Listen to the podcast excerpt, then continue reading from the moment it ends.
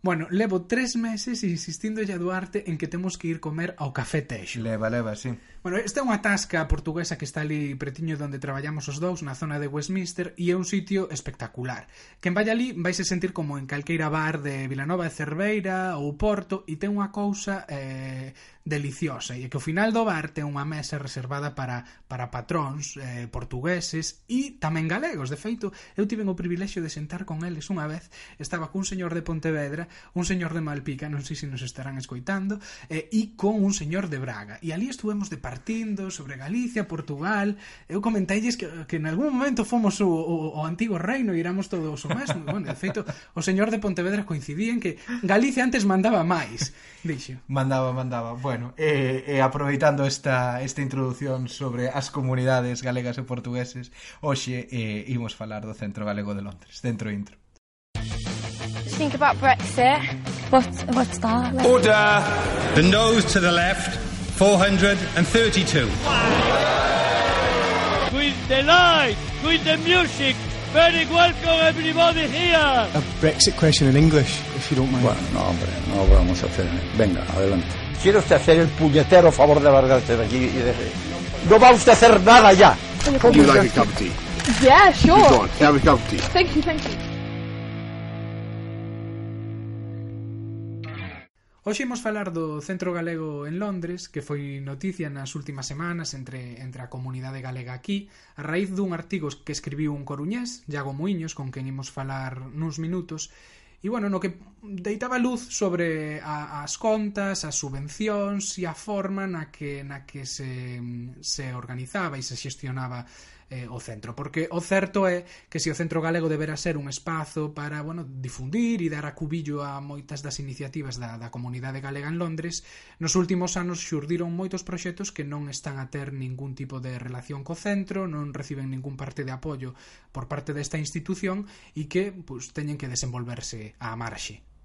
Claro, é que temos que pensar que, bueno, logo aquí ao redor de oito anos en este tempo pois foron aparecendo moitas iniciativas eh, culturais impulsadas por xente relativamente nova, xente da nova emigración, que non temos ningún tipo de, de contacto co, co centro galego e iso pode ser un, un problema. En que organizacións ou en que grupo estou pensando?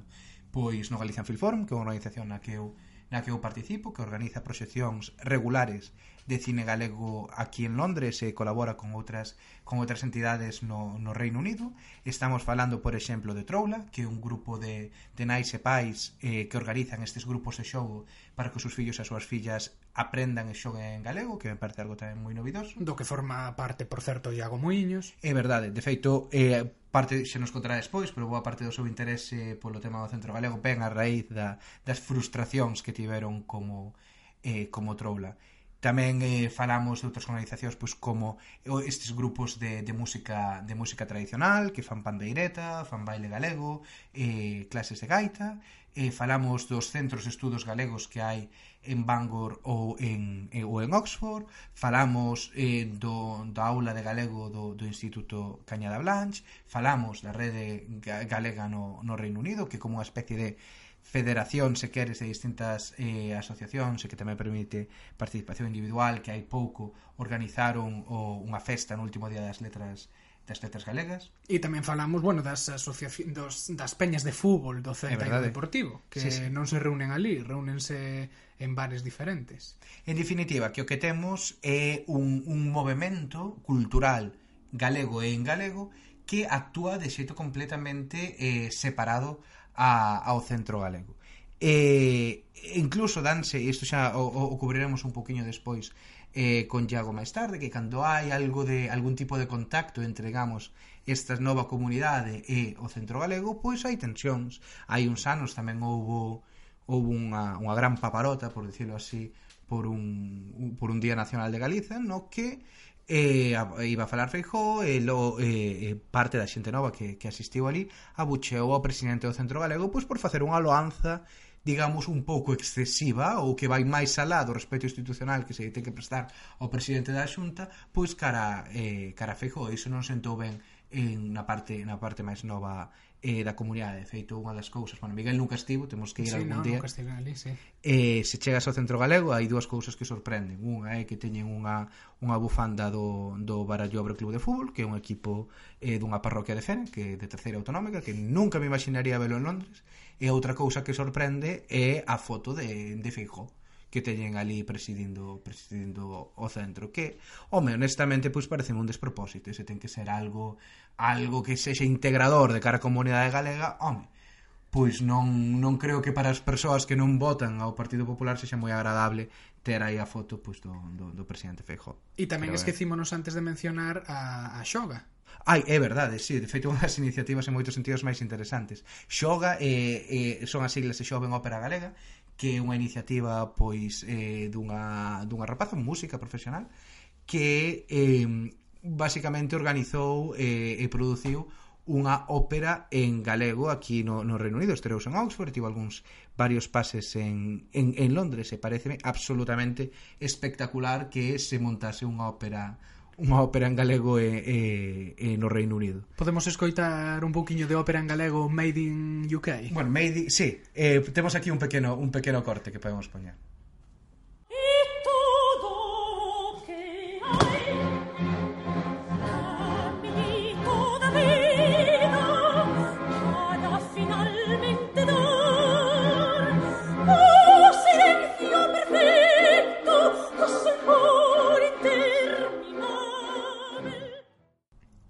Bueno, creo que é a primeira vez na miña vida que escoito ópera en galego. Tamén foi a miña cando, cando as fun ver na, na estrea. Sí, a verdade é que tamén amosa non o potencial creativo que hai que hai na nosa, na nosa diáspora, que cousas que nin siquiera en Galiza terían tanto tanto espazo, aquí sempre vai haber alguén alguén interesante ou alguén disposto a, a darlle a darlle bombo. Eh, pois sí, a cabeza non para. Bueno, vamos agora con con Iago Moiños. Thank you.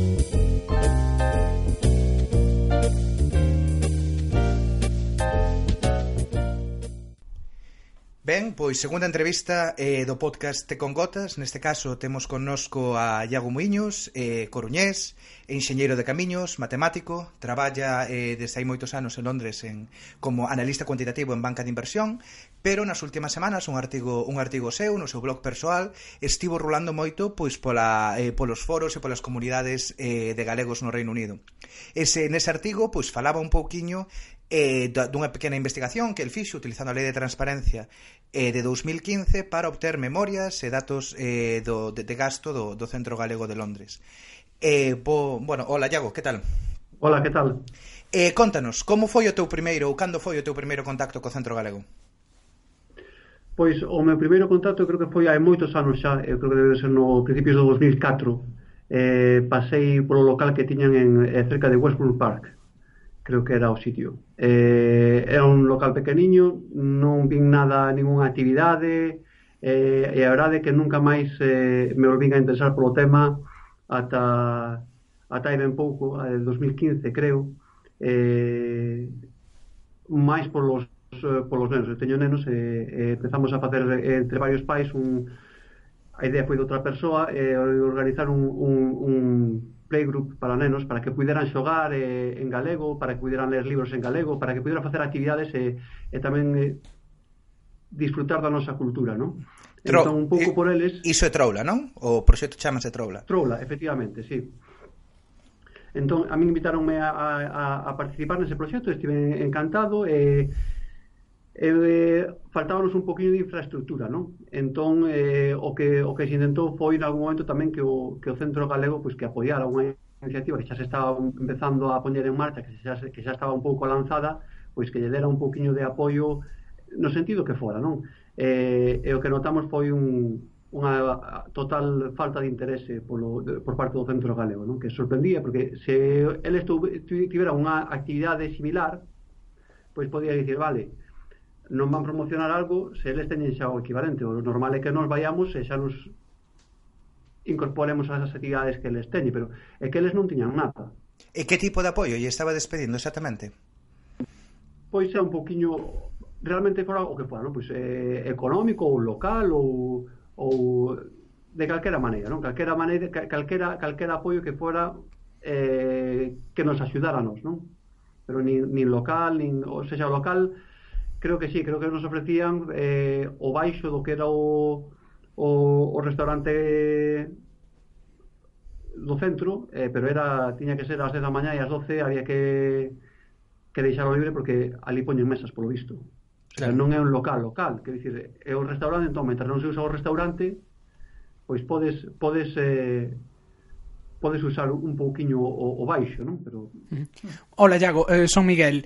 Eh, que, que, Hola. que, que alegaban eles para non darvos máis axuda, para non darvos máis apoio? Pois o do local dicen que a partir das 12 pois que necesitaban un espacio para, para o restaurante, non?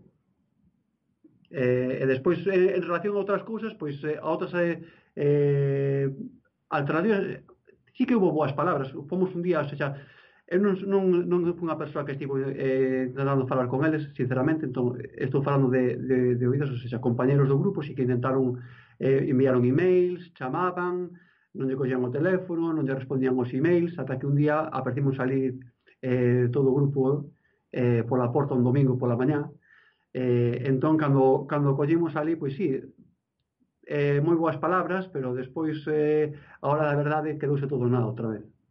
Non, E a partir de aí eh, Troula tirou cara a ser un proxecto totalmente autofinanciado e a pagar vos o alugueiro dun local e a sí, parte claro. do centro galego, non? Non había non había alternativa, claro. Uh -huh.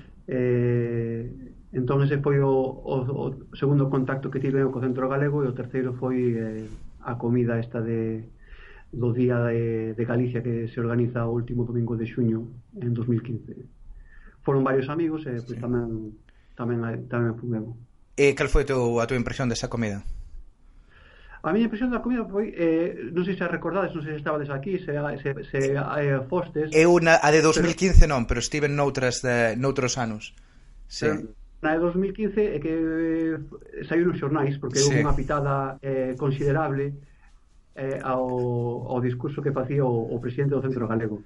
Eh, estaba Feijó tamén, eh, entón, polas dúas cousas saiu, saiu nos xornais, non? Eu a impresión que me dou foi que que hai un descontento grande da xuventude co que representa o centro galego, non? Que non o centro galego non é que non está sendo capaz de incorporar a xuventude ao que son as actividades do centro, que non hai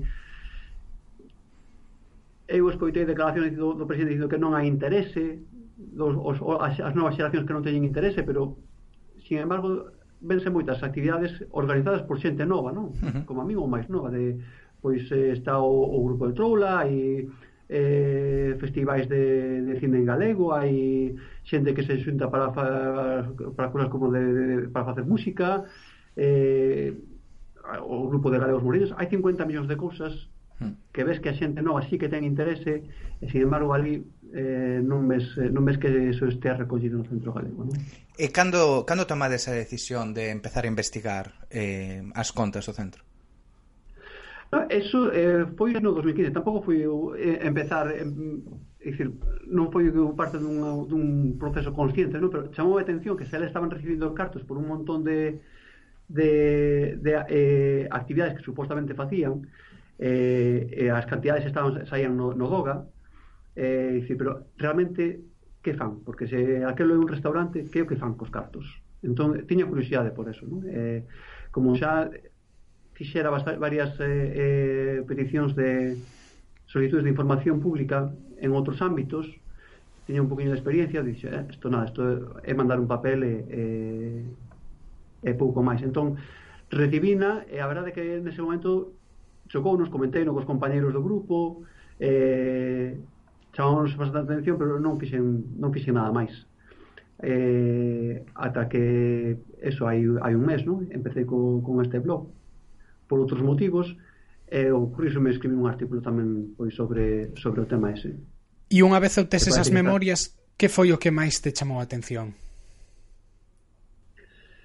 Pois eh, había varias cousas, non? Primeiro era eh, o as actividades eh, as, as dúas actividades que máis cartos levan son eh, o, o club de fútbol que non sei cal é a relación entre o centro galego e o club de fútbol porque o club de fútbol míralo e parece que é un, un club que funciona independentemente non que ten, parece como que se tivera un, un que estivera sponsorizado polo centro pero non é que o club sexa do centro galego non?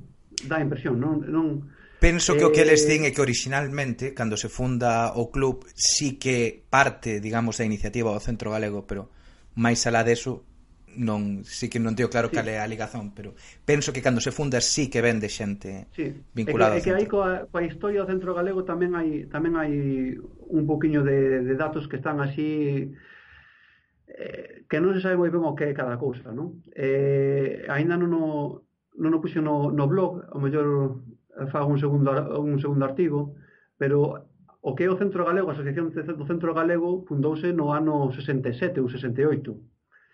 E, e agora quen está recibindo as, as eh, quen é propietario do local ese é unha empresa privada que se fundou no 2002. Fundouse no 2002, estivo inactiva ata 2010.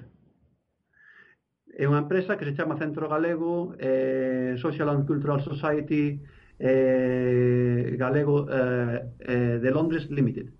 É unha sociedade limitada, fundada recentemente, bueno, recentemente, moito máis recente que o Centro Galego. Entón, hai como dúas entidades separadas, tampouco sabe moi ben cara a relación entre, entre as dúas.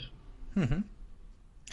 Eh, non, eh, non sabes quen é o propietario desa mm, desa sociedade limitada.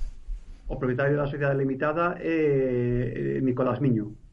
O presidente. Quen é o presidente, quen é o presidente do Centro Galego eh, a día de hoxe, que decir, a sociedade constituíse no 2002, el creo que chegou á presidencia en 2006 ou 2007, e, eh, o, e a empresa empezou a ter actividade en 2010.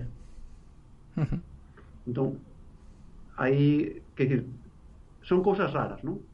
Que polo de, polo de pronto, dis, pois, eh, gustaríame saber un pouquinho máis do tema, que isto ter un pouquinho máis de información Por certo que lle escribí un, un email eh, outro día con, este, con estas preguntas, porque eh, houve unha, unha persoa próxima a él que se identificou como xornalista que me botaba en cara que eu eh, publicar o que publiquei sen, eh, sen falar antes con él. Uh -huh. Eu a verdade que non lle escribir antes de, de que, escribir, do que do, de, de, de publicar o artigo non, non, non lle escribir ao Centro Galego, entre outras cosas porque tamén xa tiña experiencia de que non en xeral que non, non responden non? Uh eh, -huh. e, e por outra banda o que escriben eu no artigo era bastante obxectivo, que dicir, eran mm. datos obxectivos, tampouco non había nada, non había lucuracións, non? Uh -huh. Pero animado polo, por esta persoa, pois pues, escribín e dixen, se, se queres que faga preguntas, fago preguntas, gustaríame aclarar estes puntos. Eh, a verdade que ainda non, ainda non recibín resposta. Bueno, pois pues estaremos encantados de escoitaras eh, unha vez que si é que responden. Sí. Eh, pero retomando un poquinho co que comentabas antes, as cousas que máis te chamaron da atención das memorias, unha era sí. que dicías que era a, o, o gasto que levaba o club de fútbol, que non tes clara sí. cal é a ligazón co centro e cal era outra.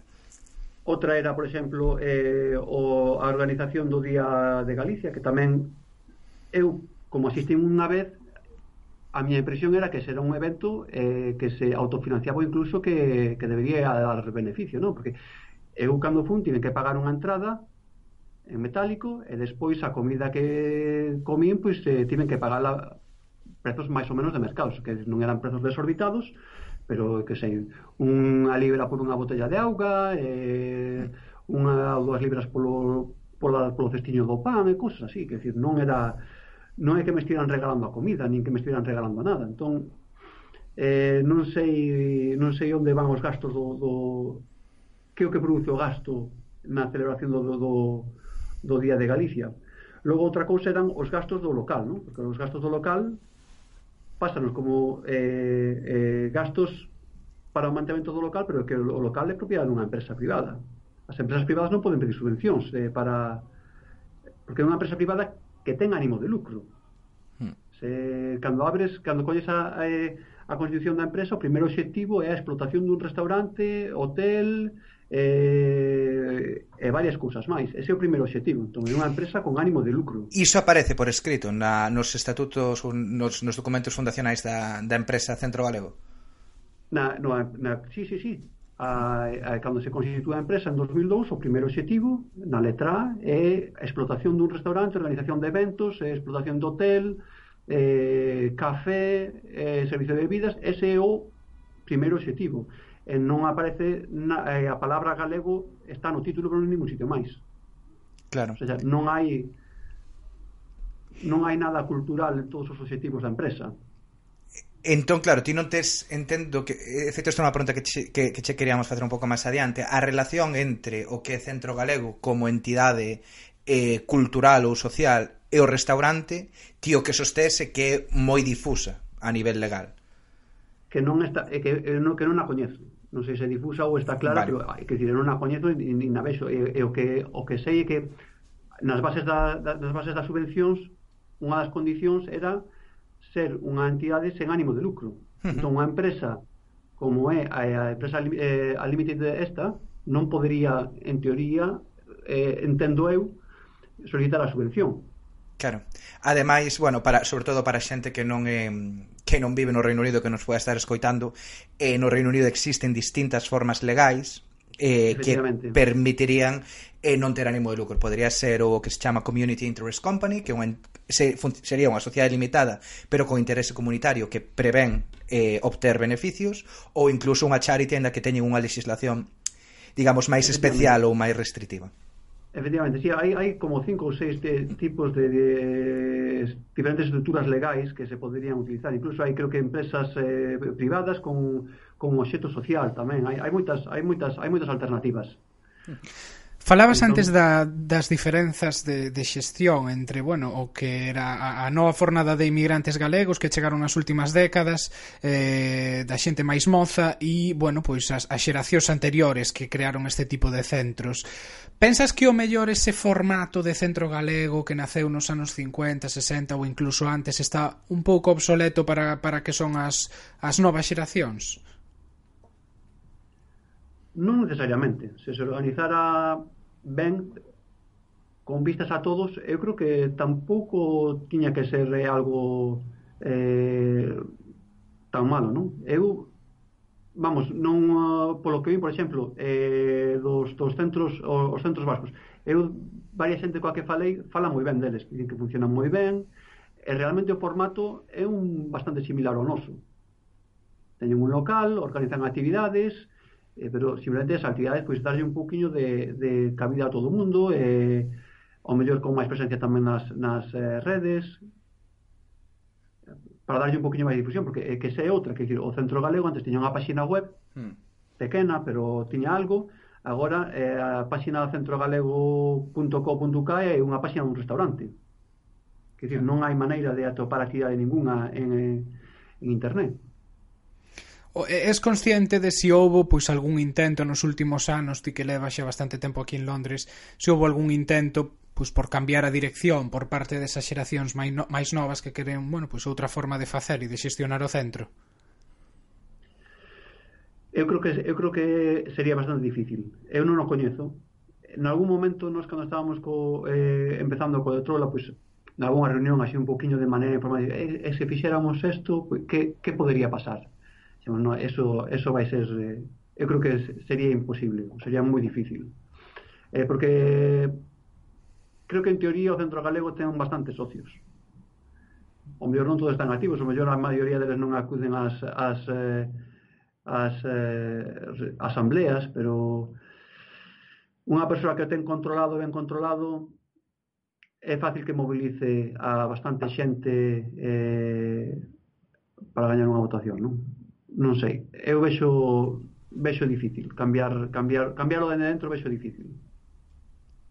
Non seramos pesimistas, entón xa nunca o intentamos. Claro. Eh, unha cousa que a mí me, sempre me chamou moito a atención a primeira vez que fun ao Centro Galego é que presidindo, digamos, ali a sala hai unha foto do, do, do de quen sexa o presidente da Xunta eh, no momento. Crees que un dos motivos polos que é tan difícil pois, cambiar este tipo de estruturas precisamente é por unha relación, digamos, moi cercana cos poderes que, que gobernan en Galicia? Podería, podería ser. Dá, dá impresión, dá, dá, dá, esa, da esa impresión, non? Eso dá esa impresión. Eh, en os estatutos do, da Asociación Galega que antes estaban na página web e agora a página web desapareceu, pero mm. aí podese incluso atopar algún arquivo eh, online. Eh, creo que era o artigo 5 ou 6 do, do, da asociación eh, Centro Galego de Londres dicía que a asociación era eh, apolítica, non? Eh, eso dá a impresión de que na actualidade non se está respetando respetando moito, non? Por exemplo, a foto ou, por exemplo, o, o discurso este do, do presidente o día o día de Galicia no 2015, e creo que parte dos asubios que recibiu era porque era unha eh, loa a, a Fijo descarada. O sea, unha cousa é que, que digas algo agradable e outra cousa xa era que era, era xa casi sen vergonza. Non? Entón, eu creo que nun sector importante dos asistentes non calou ben eh, e de aí os asudidos. Non? E bueno, como, como cidadán implicado á hora de facer solicitudes de, de información á administración en España, eh, cal foi a, bueno, a túa experiencia con, con esta lei? Eh, e sobre todo non sei se si tiveches tamén algunha experiencia previa aquí no Reino Unido, que teña unha lei, por así dicilo, bastante máis completa e transparente da, da que hai no Estado español. Efectivamente, sí. Eh, tiven, tiven algunha experiencia no Reino Unido, eh, a lei daqui é, é máis completa, máis, eh, leva máis, eh, máis anos en vigor tamén. Eh, eh, aquí as experiencias foron en xeral positivas, eh, o meu concello teño que dicir que é bastante malo nese sentido, pero cada vez que teño un problema co concello eh, acudo a, eh, a, a oficina da, do comisado de información eh, sempre sen problema. En España xa entra de entrada a lei un poquinho máis eh, limita un poquinho máis, non? Eh, e ademais, eu creo que sinceramente hai que fazer autocrítica, temos eh, en España hai menos conciencia, menos eh, menos gusto polo tema da transparencia, non? Hmm. Hai máis, hai máis que hai máis camiño que andar. Entón en España incluso eh, teño un artigo no, no blog tamén eh, hai un caso que temos aínda está no, no, nos, na Audiencia Nacional agora mesmo entón ata vía judicial protestando contra o eh, Consejo de Transparencia. Cales son as trabas así a nivel, bueno, de, de, de usuario, de cidadán da pederrúa que fai uh, reclama, que, bueno, solicitudes de información, cales son as trabas que te atopas na lei española que non atopas na lei británica, por exemplo, os obstáculos que se poñe por parte da administración? As trabas, pois, moitas veces eh, son xa eh, cousas bastante difusas, non? É dicir, eh, non, é que información auxiliar, bueno, é que chamas ti información, información auxiliar. E como xulgamos se algo é información auxiliar ou non, se non me das acceso? Como, como demostro eu que este, este informe que ti non me queres dar porque dis que é información auxiliar, realmente sí que é información que ten un contido importante? Porque xa me pasou que eh, de denegarme a solicitude reclamar ao Consejo de Transparencia que o Consejo de Transparencia fallen contra a miña e despois conseguir por outros medios o, o documento anos máis tarde.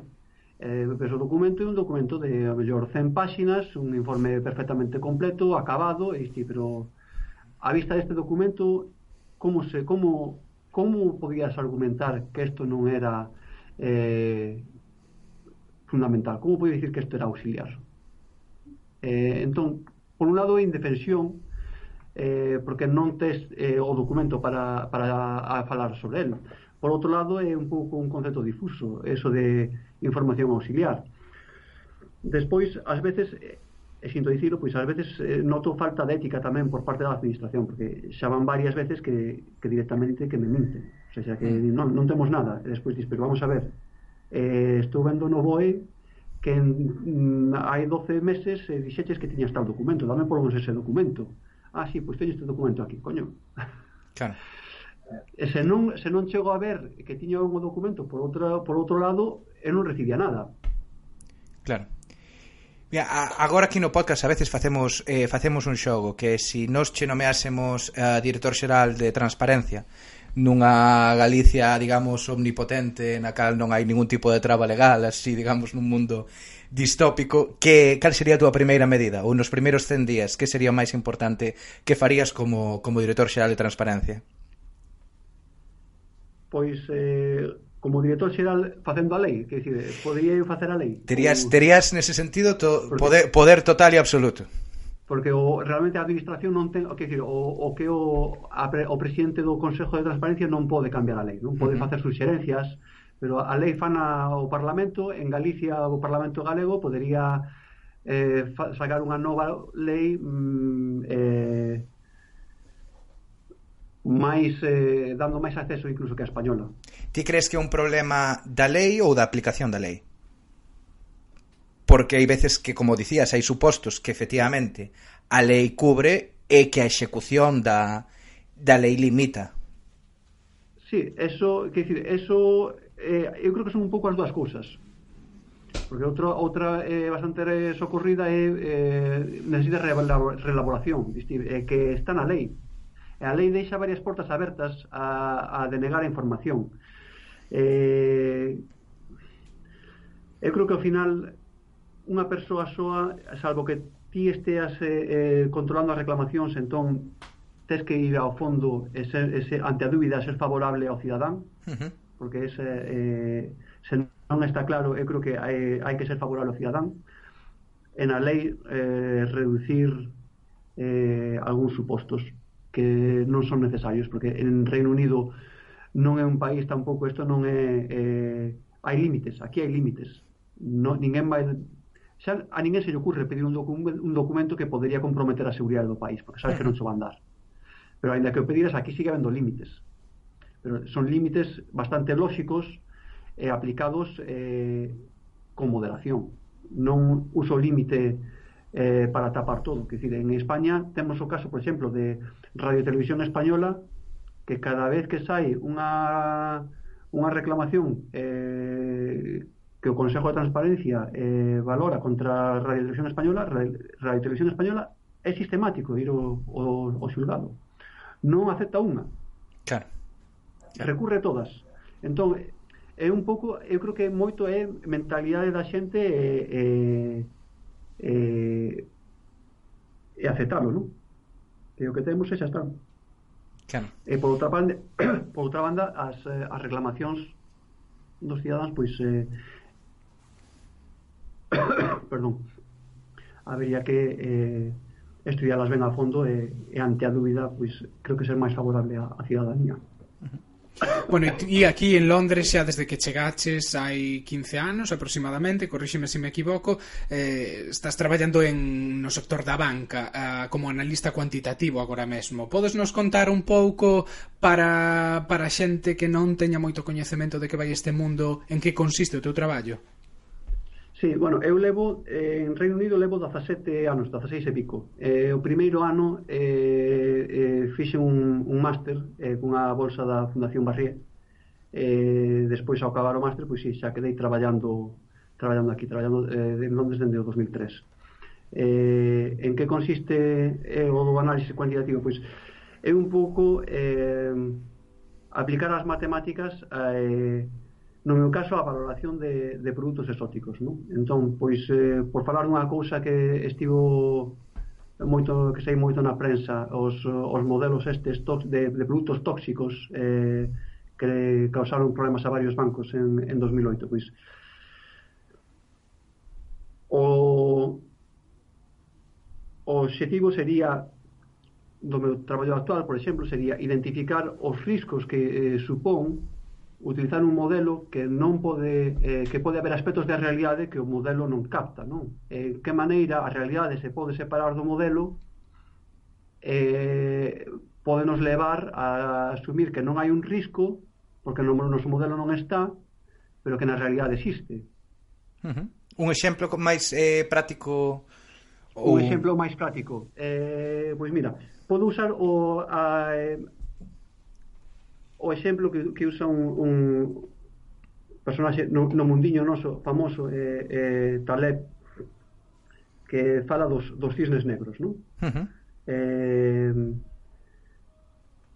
unha persoa que vivira en Europa eh, toda a súa vida en, eh, no século XVIII pois vendo cisnes toda a súa vida todos os cisnes son brancos e podería pensar que a probabilidade de que se lle cruce un cisne e negro sexa unha entre 10.000 millóns.